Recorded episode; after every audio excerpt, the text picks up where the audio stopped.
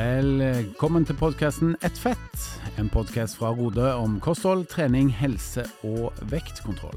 Mitt navn er Henning Holm, og jeg gleder meg til å ta deg med på en reise gjennom livsstilsendringens verden med aktuelle gjester. Ja, da ønsker vi velkommen tilbake til en ny episode av podkasten Ett fett. Henning er på plass eh, som vanlig, altså undertegnede. Og jeg har med meg eh, Halvor eh, Laustad. Ja, hei til meg. Hei, hei. Og i tillegg så har vi eh, vår faste følgesvenn nummer to. Jeg har fått meg to venner, rett og slett. Det er Karoline. Hei, hei. Hei, hei. Husk på Henning at begge to er betalt for å være din venn. Ja, det er jo Er det trist eller Ganske hyggelig? godt betalt òg, egentlig. Å ja. Vi snakker lønnskutt, eller? Nei. Ja.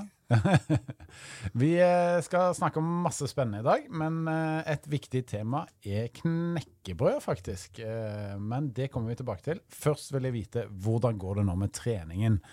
Karoline, jeg har jo da hatt gleden av å være din personlige trener med ditt store mål for 2023. Eh, Et større mål enn å finne en eh, fast partner, Turvenn eller en turvenn, med gullbrød. nemlig du skal klare din første pullups. Yes. Eh, og så er neste spørsmål hvordan går det? Ja, Ja.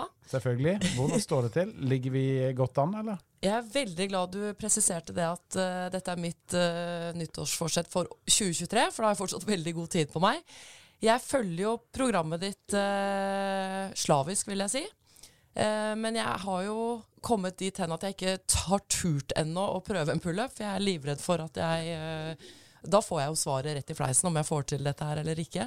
Så jeg har ikke helt turt å prøve en ennå, men jeg, eh, jeg håper at jeg nærmer meg. Men da må jeg stille et spørsmål, Henning. For jeg har, når man da følger et treningsprogram sånn som jeg gjør nå, helt slavisk, og så kommer det en uke hvor jeg ikke får til noen ting, eller av styrketreninga da, som du har gitt meg, hvor krise er det i forhold til opplegget du har satt meg på?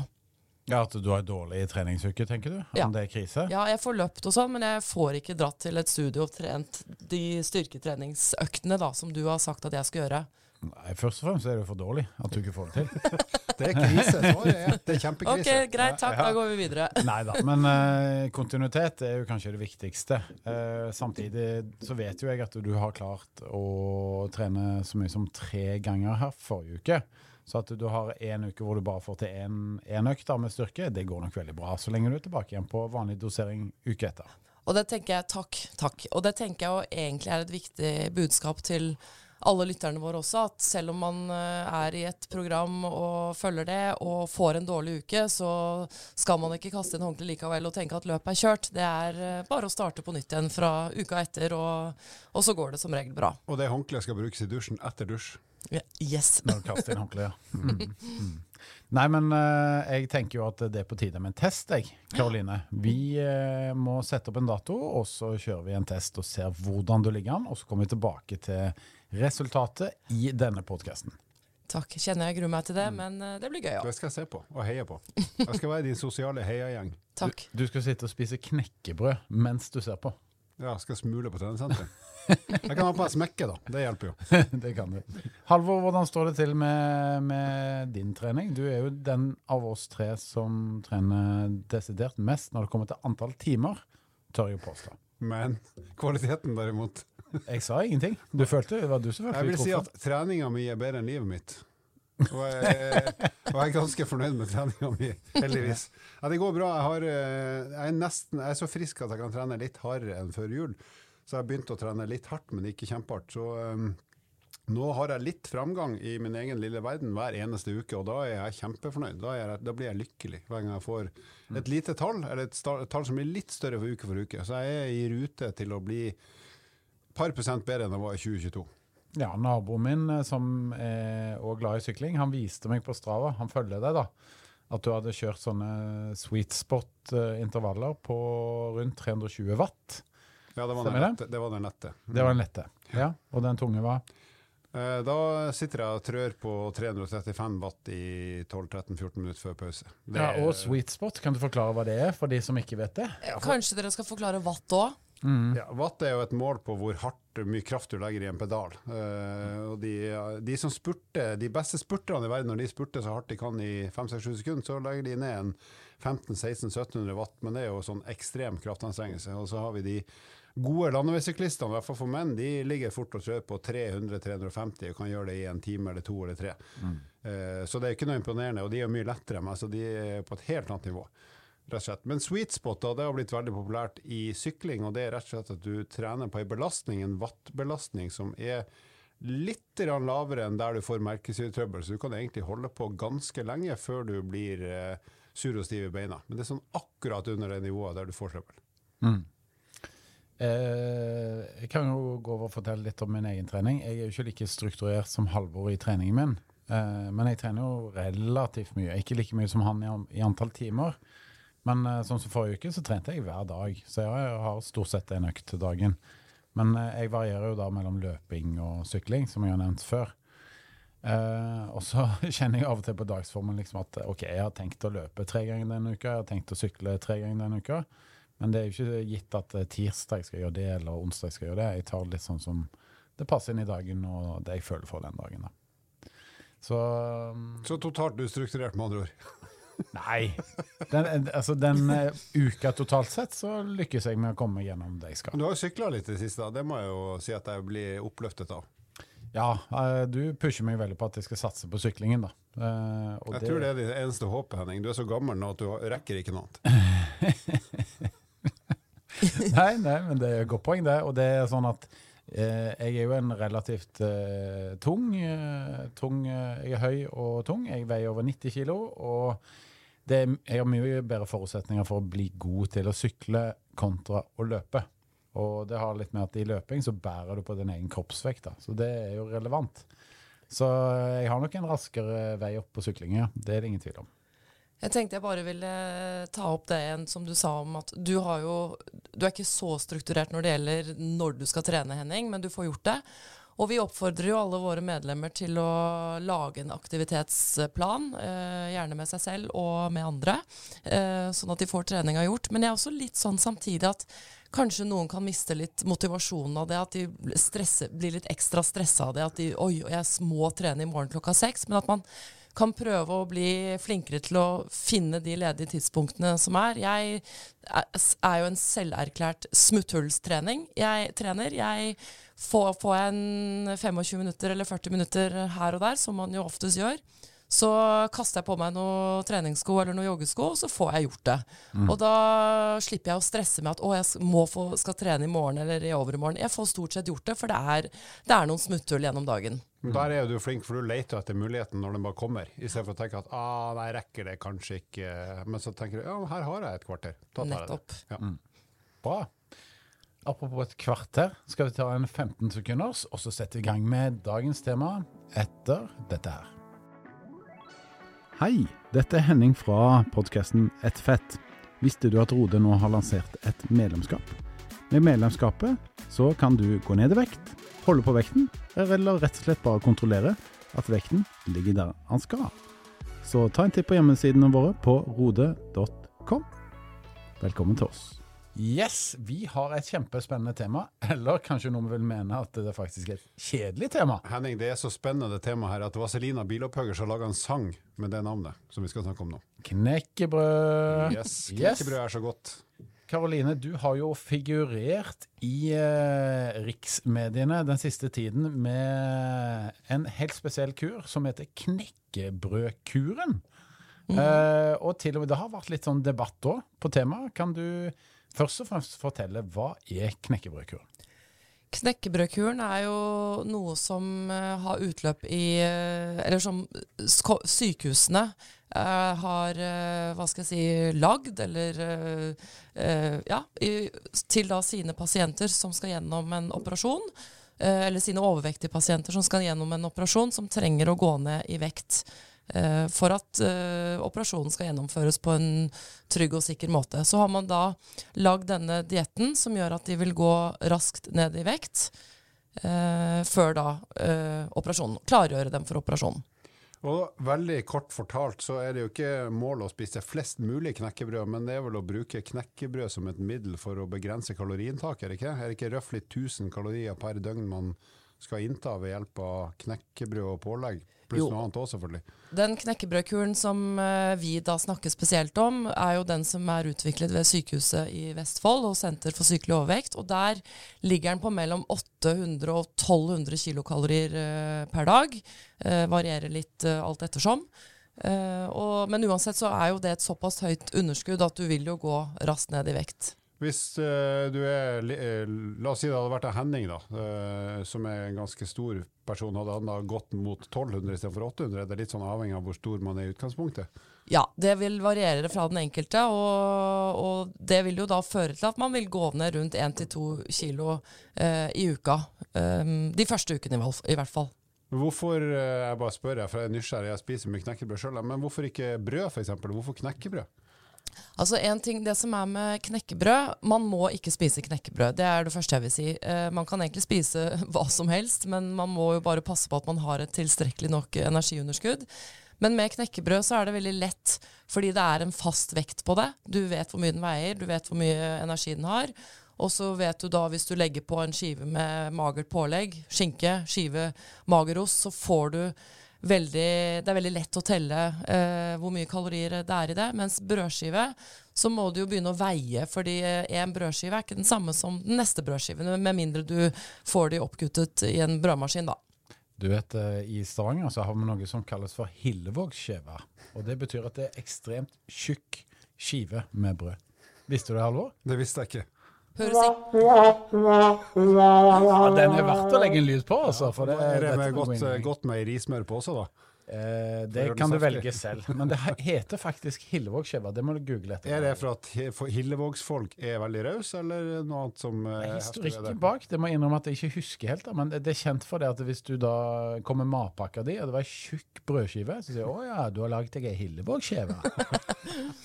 Vi har jo mange lyttere som er oppmerksomme på hva vi sier, både av eh, rart og annet. Så hvis noen vet hvorfor det heter Hillevågskive, bakgrunnen for det, så legg inn en liten melding Ja, i legg inn på podkast-gruppa vår, ett fett. Gjør det. Men den hadde nok ikke passet inn i knekkebrøddietten, tror jeg.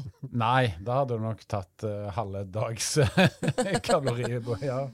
Nei, det mm. men, Men ja. men det er jo litt sånn spesielt det med knekkebrød, fordi at eh, jeg vil tro, dette er bare en antakelse, men mange syns at det er litt kjedelig å spise knekkebrød. Men det har jo vært en ganske bra suksessrate da, eh, på veldig mange som, som gjennomgår eh, den eh, type dietten her, for å kalle det det. da.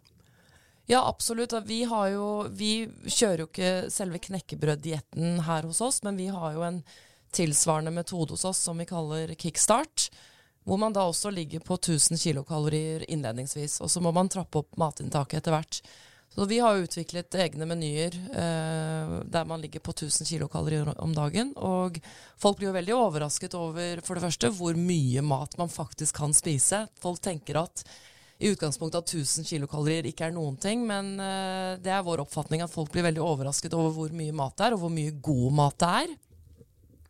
Jeg må ha et oppfølgingsspørsmål igjen på det her med knekkebrød, for jeg gir meg ikke helt på det. For jeg, er det sånn at uh, når jeg sier knekkebrød i min verden, så er det i gamle dager så er det den der Vasa husmann, de der eh, brune som ikke har noen ting annet enn litt sånn der eh, bølge, bølgeform. Det, det spiser jeg fortsatt. Men så har jeg også begynt å spise litt mer moderne knekkebrød med urter og havsalt og litt annet som er liksom er, det- er, det, er det samme kaloriinnhold basically i ethvert knekkebrød, eller er det noen knekkebrød som på en måte inneholder litt mer fett eller nøtter? Altså, eller noe er- sånt? Det er litt forskjell. Vi har jo f.eks. noen som inneholder mer fiber, så vi anbefaler jo de på en måte groveste fiberknekkebrødene. Og så er det viktig å presisere at eh, det er veldig stor forskjell på de knekkebrødene man eh, kjøper, sånn som du snakker om, og havreknekkebrød, sportknekkebrød, og de som kalles hjemmelagde knekkebrød. For det er der forskjellen er. De inneholder mye mer energi, for de har mye mer eh, frø og sånn på seg, og de er vel til dels litt større også.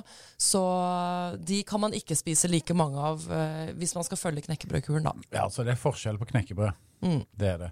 Eh, jeg må jo si at eh, den her eh, husmann som du forteller om, Halvor, den syns jeg smaker litt vel lite. Så hvis du oppgraderer til den der som heter havre, så syns jeg plutselig at smaken er mye bedre, da. Og sport, da. Den er min favoritt. Ikke Den liker jeg. Ja. Jeg er jo helt enig, men jeg må innrømme at når jeg skal på lange sykkelturer, så tar jeg seks sånne knekkebrød av den gamle, kjedelige husmannssorten, og så har jeg på en hel leverposteiboks totalt sett på de seks, og da får jeg akkurat det jeg trenger for å trille i tre timer. Ja, for det er jo det er kjedelig. relativt lavt eh, kaloriinnhold, men det, metthetsfølelsen den eh, beskriver mange til å være relativt god. Ja, og det som er interessant med knekkebrød, da, er at du må jo tygge det gjerne mer enn en tynn uh, brødskive. Og det vil jo også gjøre at du får en uh, bedre metthetsfølelse. Mm. Det er vanskelig å svelge et uh, knekkebrød helt, uh, Halvor. Ja, jeg har prøvd. det står vil ikke anbefale det. Veldig bra. Men, men altså Potensielle resultater. Eh, hvis man da liksom går all in på knekkebrødkuren, kan man da risikere å gå en del ned i vekt? Altså man følger opple opplegget til punkt og prikke? Absolutt. Vi sier jo det at man kan gå ned ti kilo faktisk på åtte uker, hvis man da går all in.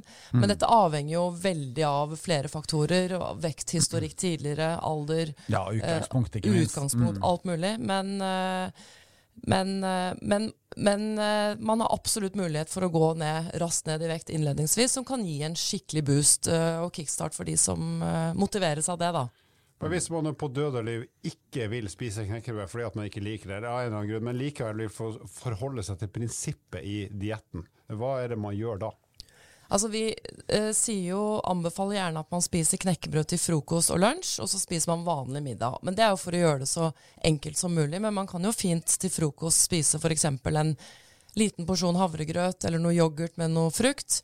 Eh, og til lunsj kanskje en eh, liten omelett eller en salat. Man kan helt fint bytte ut med andre ting. Det bare er viktig å passe på at man opprettholder da det energiunderskuddet. Ja, så Da er egentlig poenget å finne en måte å få i seg røftlig 1000 kalorier i døgnet på. Men, Ja, eh, nettopp. Mm. Og det der med å bruke knekkebrød, da slipper man det der å regne ut så mye. Og hvis man registrerer i en f.eks. i vår Ned i vekt-app, da, så kommer det jo opp automatisk eh, energiinnhold, istedenfor at man må drive og veie og styre. For det syns jo mange er litt uh, slitsomt og tidkrevende. Ja, det er jo kanskje mye av det som er veldig smart da, med den kuren her, for å kalle det det, er jo at det, det krever veldig lite planlegging, og det er enkelt å gjennomføre. For det, det, å ha noe knekkebrød med seg på tur, eller ha i skuffen hjemme, det, det krever ikke så veldig mye.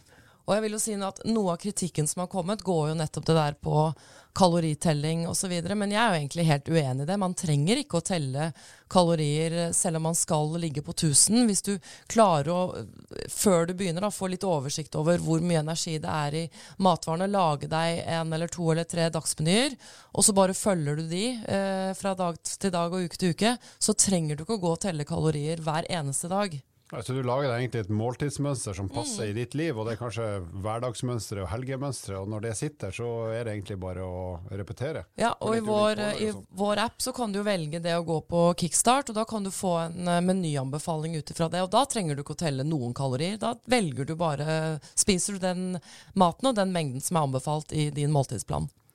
Men for de som ikke er så glad i knekkebrød som Henning og meg, hva er, det, hva er typiske reaksjoner på de som går fra å ikke spise knekkebrød til å prøve seg på det her? Altså Vi opplever de som går da på denne kickstart-metoden hos oss, som er jo da litt tilsvarende knekkebrøddietten, det er at de, de Mange opplever litt økt sult, litt slapphet, litt daffhet, eh, kanskje litt hodepine første uken. Men så går dette her raskt over. Sånn at de kommer inn i en sånn At de får en skikkelig boost, de får en skikkelig kickstart. For de går jo da ganske fort ned i vekt til å begynne med. Mange opplever til og med at de får økt energi, selv om eh, man skulle jo tenke at det var det motsatte, at de fikk mindre. Men det, sånn er det ikke. Så vi får eh, egentlig utelukkende positive tilbakemeldinger, vil jeg si, på vår kickstart-metode. Mm. Jeg må si sånn i min lille verden eh, Jeg har ikke vært så glad i å spise knekkebrød opp, opp gjennom livet, men etter at jeg begynte å jobbe i Rode, så har jeg blitt litt mer bevisst på dette med knekkebrød. Og de dagene i vår gode lunsj eh, her på bygget vårt på Hasle, så er det av og til sånn at den varmmaten som vi får servert, eh, så heldige som vi er, når den ikke er min favoritt, så tar jeg knekkebrød. Og den, det gir en veldig god metthetsfølelse. Jeg føler meg ganske sånn lett og fin. Jeg får ikke den der dippen som jeg gjerne får hvis jeg spiser varm mat til lunsj. da. Sånn i halv to-draget, da Hvis du kikker bort på pulten din, Laustad, det, det er ikke mye aktivitet der da. Da har du fått en liten dipp. Da er jeg kjørt. Selv etter dine ti knekkebrød til lunsj, halvår? Ja, ja, ikke knekkebrød. Mellom ett og kvart over ett så er det slutt. For unge Laustad. Men jeg, jeg, så jeg må jo si at erfaringene mine med knekkebrød er veldig gode, altså. Det, det, det er fin mat.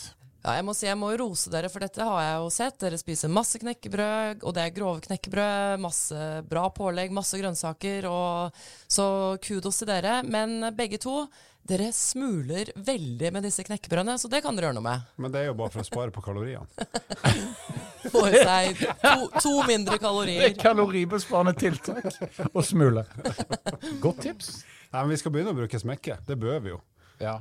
Jeg har en tendens Jeg til å tror ikke det hjelper. Jeg har en tendens til å spise der i sofaen hjemme, og jeg skal innrømme at det ser jo ut som noen har eh, gravd opp jord i, i sofaen. Til stor glede for din samboer. Korrekt. Men kan jeg komme med en annen eh, altså Noe av det denne kritikken går på, er jo det at det, det blir jo omtalt som en knekkebrødkur. Og det syns jeg er litt uheldig. Jeg syns heller man burde omtale det som en knekkebrødmetode. Fordi en kur har jo gjerne en start og en slutt. Det er det vi kjenner til med disse pulverdiettene osv. osv. Eh, Vi ønsker jo ikke at knekkebrødkuren skal være en kur som man begynner på i uke én og avslutter i uke ti.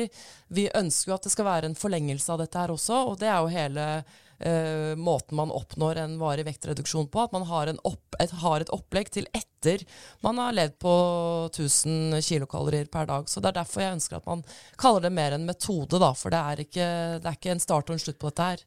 Ja, men man trenger jo på en måte ikke bruke det bare dersom man vil ned i vekt. Det går jo an å bare bruke knekkebrød som en del av eh, ja, det daglige eh, inntaket ditt da, av, av næring. Eh, å bruke knekkebrød aktivt har vel eh, en god del Altså det er jo god mat og um, sunn mat, ikke sant? Absolutt. Jeg vet om mange som finner glede i å spise knekkebrød framfor brød, inkludert meg selv. Jeg syns det er mye bedre fordi det er mer konsistens, man tygger mer. øh, Og øh, så knekkebrød er jo virkelig for hvermannsen, og ikke bare de som skal ned i vekt. Ja, eh, og for jeg, eh, jeg bare har lyst til å si en ting på det. og det at eh, Jeg eh, hørte fra min søster her om dagen at eh, hennes eh, nabo hadde gått ned så mange kilo vekt. og det, Han var veldig vant til å spise mye brød. Alt han hadde gjort, det var å bytte ut brød med knekkebrød, og over et halvt år så har han gått ned 15 kilo.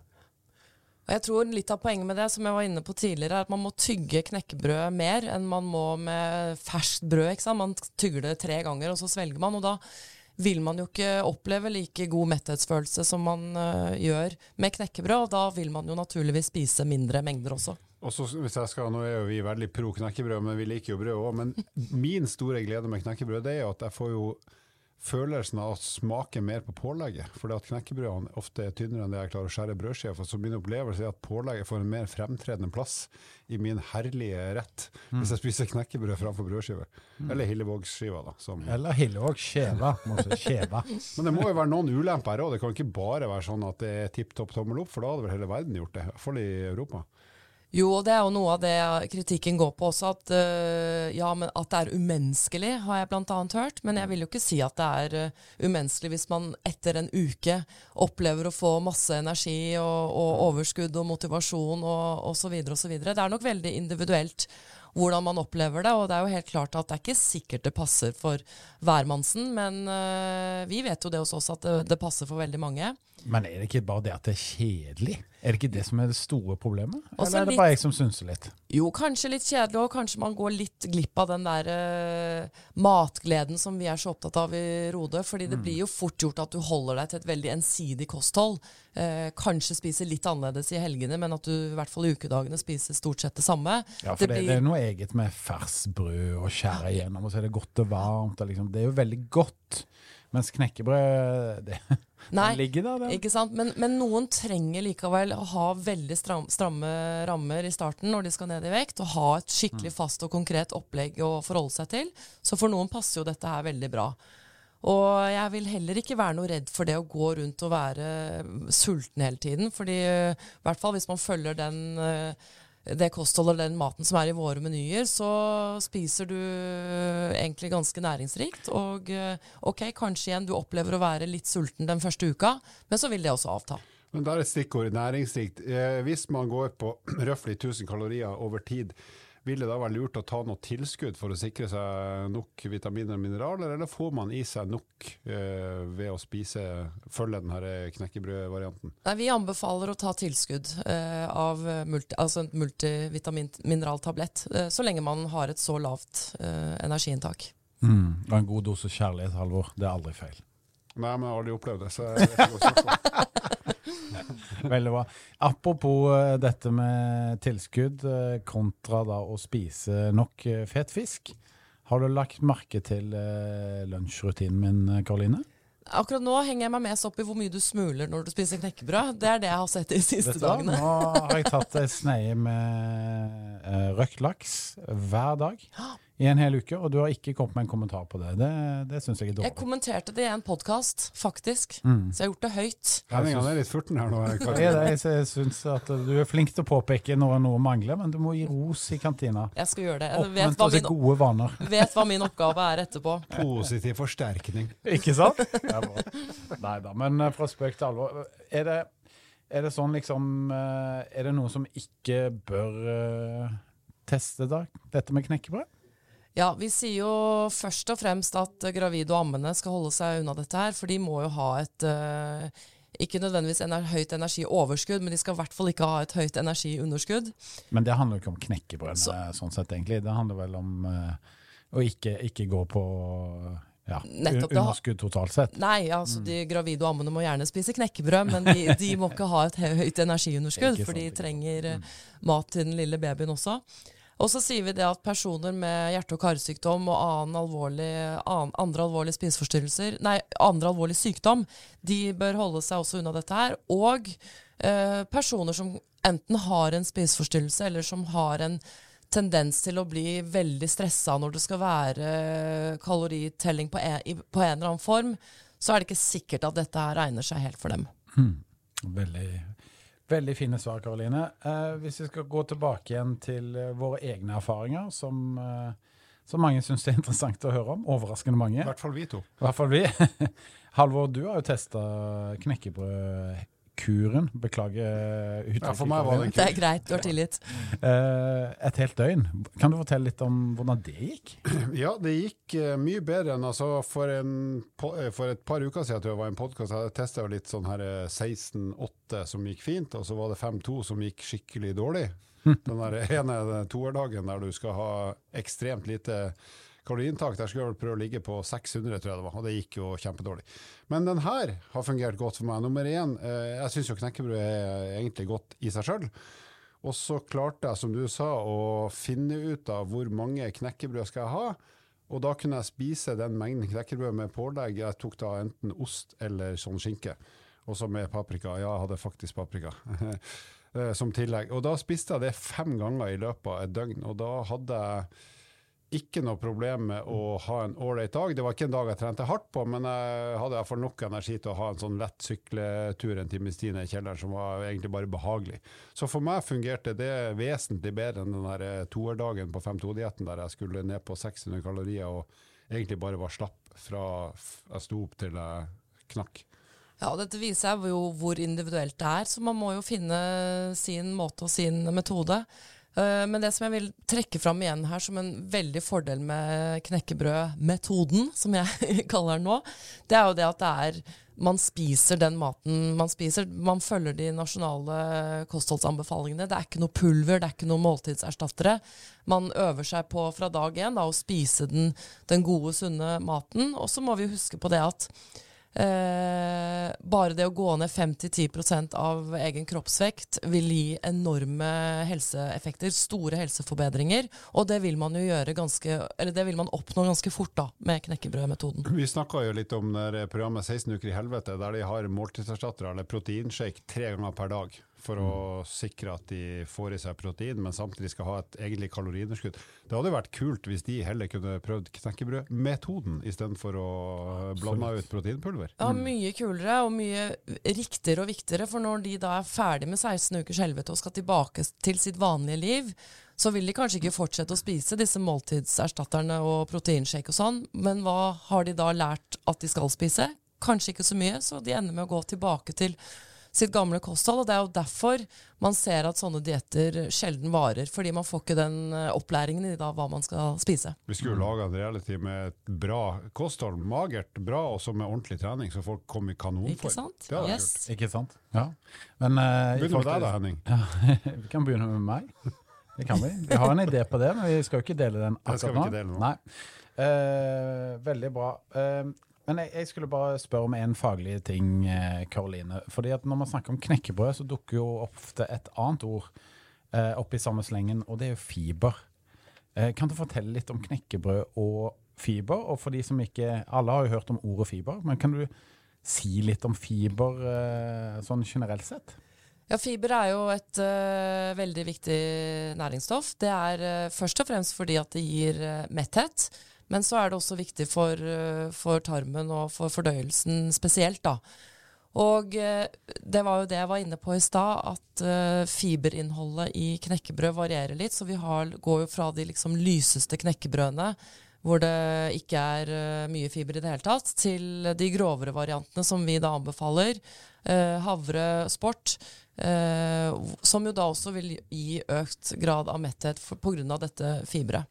Mm. Men uh, hvis du da går på knekkebrødmetoden Mm, bra. Uh, det Tommel sånn, opp. Er det sånn at kan jeg få i meg for mye fiber? Nei, det i hvert fall ikke når du har et såpass, såpass høyt energiunderskudd. Så er det vanskelig å få i seg for mye fiber. Og eh, ja, hva skal jeg si, det spørsmålet har jeg vel egentlig ikke hørt før, om det, er, om det er mulig å få i seg for mye fiber. Jeg tror kroppen vil begynne å signalisere ganske lenge før du har fått i deg for mye fiber at uh, den ikke vil ha mer. Både fordi du blir mett, og det kan skape ubehag i magen. Men uh, sånn på generell basis så spiser vi nordmenn for lite fiber. Vi får i oss for lite fiber fordi vi velger fiberfattigere matvarer enn det vi burde. Vi velger ikke grovt nok brød, vi velger ikke grovt nok knekkebrød osv. Hva med gullbrød da, Karoline? Det er mye fiber i det. Cirka ingenting, tipper jeg. Du som har de her turvennene på 79 som eh, har med seg matpakka. Dårlig med fiber der. Ja, for det hvilke, Jeg fikk jo et spørsmål liksom, hvilken sjokolade tar man med seg på tur? Alle snakker om Kvikk Lunsj, men jeg ville heller valgt et gullbrød. Vet du hva jeg sier da? Ta den sjokoladen du liker. Det er ikke noe, på en måte noe som er bedre enn det andre, eller noe sunnere enn det andre. Ta den du liker. Ta fire Kvikk Lunsj. Ja. Det gjør jeg. Fire Kvikk Lunsj Mm. og knekkebrød. Og knekkebrød først. Veldig bra. Bra. Nei, men uh, dette har jo vært en uh, veldig interessant uh, prat, syns jeg, om knekkebrød. Eh, jeg vil jo si at dette er jo undervurdert mat. Fordi alle kjenner til knekkebrød. Alle har smakt på knekkebrød. Tipper de aller fleste har det i skuffen hjemme. Kanskje da står der veldig lenge eh, og ikke tørt. brukes nok. Da blir det tørt. Det som er litt synd med knekkebrød, er at det har fått et sånt eh, sånn veldig sunnhetsstempel. At det er sånn kjempesunn mat, så noen tør jo nesten ikke å bli observert med det, fordi det, da blir man kategorisert som en sånn oversunn person. Men det er jo bare helt vanlig, kjempegod, næringsrik mat hvis man velger da de grovere variantene. Helt topp å spise. Det skal man bare gjøre med god samvittighet. Men der, der må jeg si at uh, i Rode, som snart har eksistert i 50 år, med fokus på sunne vaner eh, Når jeg først begynte her, så var det vel ingen som spiste noe annet enn knekkebrød i lunsjen. Det er riktig. Det var der hvor vi bodde før. Før vi flyttet lokaler, så måtte vi ordne vår egen lunsj. Ja. Og der spiste vel alle eh, knekkebrøda. Det var en IT-ansatt vi hadde en gang, som han var riktignok en veldig dyktig og trente hardt med svømming. Han spiste alltid brødskiver, alltid med kun Nugatti på. Han skilte seg veldig ut. Han var i opposisjon, Han var i opposisjon. Mens alle oss andre har det godt i knekkebrød og, og makrell i tomat og det ene og andre. Så vi har veldig godt av å komme hit her hvor vi er nå, hvor det er en deilig kantine hvor vi kan uh, fråtse i det ene og det andre. Veldig bra. Hvis noen av lytterne våre har flere spørsmål om knekkebrød, ikke vær redd for å skrive de inn på Facebook-gruppa vår som heter podkasten Ett eh, fett. Det nærmer seg eh, jul. jul? Nei, det gjør det vel ikke. Nei. Nei. Håper ikke det. Men dagens eh, høydepunkt, og det er jo at Halvor serverer en eh, fun fact eh, til både oss her og våre lyttere. Vær så god. Takk for det. Eh, Vi har snakka mye om knekkebrød, og vi har snakka mye om eh, kalorier og fiber og slikt. Nå skal jeg ta det her med kaloriinnhold til et ny, ny høyde. Eh, jeg har sjekka litt opp og fått et tips fra eh, en god venn og PT-kunde som heter Reidar, i forhold til hva slags eh, stoffer er det som inneholder eller ja, hva slags stoffer er det som inneholder mest kalorier. Og det vi i særklasse har funnet, er det grøvste eksempelet på mye energi pakka inn i lite vekt. Det er uranium, og det er jo da et grunnstoff. Ett gram uranium det inneholder, hold dere fast, 18 millioner kalorier. What?! Og så eh, tenker man ok, hvis jeg spiser et gram uranium, det bør man da ikke gjøre. For det, da tror jeg I hvert fall ikke når man er på Ja. Knekkebrødmetoden. du, jeg tror du dør da. Men uh, da er det jo heldigvis ikke sånn at du får i deg 18 millioner kalorier, for da hadde vi jo dødd av overvekt på et kvarter, tror jeg. Kanskje fortere. ja. Og grunnen til at det, altså, I kalorier, den sammenhengen her, det er jo rett og slett eh, hvor mye potensiell energi som finnes i det grunnstoffet per gram. Så det er ikke sånn at hadde du fått det i deg, så hadde du ikke æst ut og veid 200 kilo på et kvarter. Men det er ganske fascinerende å tenke at ett gram av hva som helst kan inneholde såpass mye potensiell energi som 18 millioner kalorier. Du tenker på ett gram fett, som vi tenker er mye, det er ca. 9 kalorier, ikke? 9,4. Mm, Så det er en del mer. Så ikke hold dere unna uranium på generell basis, vil jeg si. Det må vi stå over. Det Holde kan, det hele kanskje på knekkebrød hadde gått. Litt usikker på det. Det? Litt usikker. Nei, det var spesielt. Apropos Reidar, din eh, gode PT-venn og PT-kunde. Og din tidligere. Han har jo trent eh, med meg eh, tidligere, og så ha- Ja, og så har han begynt å trene med deg. Han, eh, han er dyktig på treningen sin. Ja, vet du hva. Nå eh, avslører jeg noe man ikke skal gjøre som profesjonell PT, men jeg skal nå avsløre et resultat han hadde i, på økta i går. Han satte en ny pers i markløft med 125 kilo, og det gikk meget kontrollert. veldig bra. Så han har, hva skal jeg si, bedre resultater eh, med deg enn han hadde med meg. Ja, og så er han dessverre for meg blitt sterkere enn meg. Veldig bra. Med det så skal vi eh, vel runde av her eh, for eh, dagen, men vi håper dere har hatt det morsomt med å lytte til oss. Vi har i hvert fall hatt det veldig ålreit her i studio og lært enda mer om knekkebrød. Snakk for deg sjøl. Nå nærmer det seg lunsj, og hva skal vi spise? Ikke Knekkebrød. knekkebrød. Salat. Knek, knekkebrød og røykelaks. Nydelig. Ha en fin dag alle sammen, og husk på hvor dere finner oss. Dere finner oss eh, på Facebook. Der har vi eh, vår eh, fine Facebook-gruppe som dere kan stille spørsmål i. Og vi nærmer oss en episode hvor vi da skal ta lytternes spørsmål. Siste ord i dag fra vår eminente kvinnelige Karoline. Du, det er at på knekkebrødmetoden, spis så mye grønnsaker du bare vil. Herlig. Yes. Vil du si adjø for dagen, Halvor? Jeg håper å si, da tenkte jeg hvor mye blir det for meg? Hvor mange grønnsaker blir det? Det skal jeg ikke si. Da sier jeg bare takk for oss. Takk for oss. Vi Takk høres oss. igjen neste uke. Hei.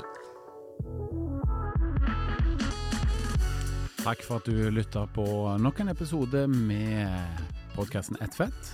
Dersom du er interessert i å lese mer om eh, livsstilsendring, gå inn på Rode-magasinet på rode.com. Vil du stille oss spørsmål som vi kan diskutere i en episode, ikke vær redd for å sende inn på Facebook eller Instagram hos eh, Rode. Til neste gang, vi høres.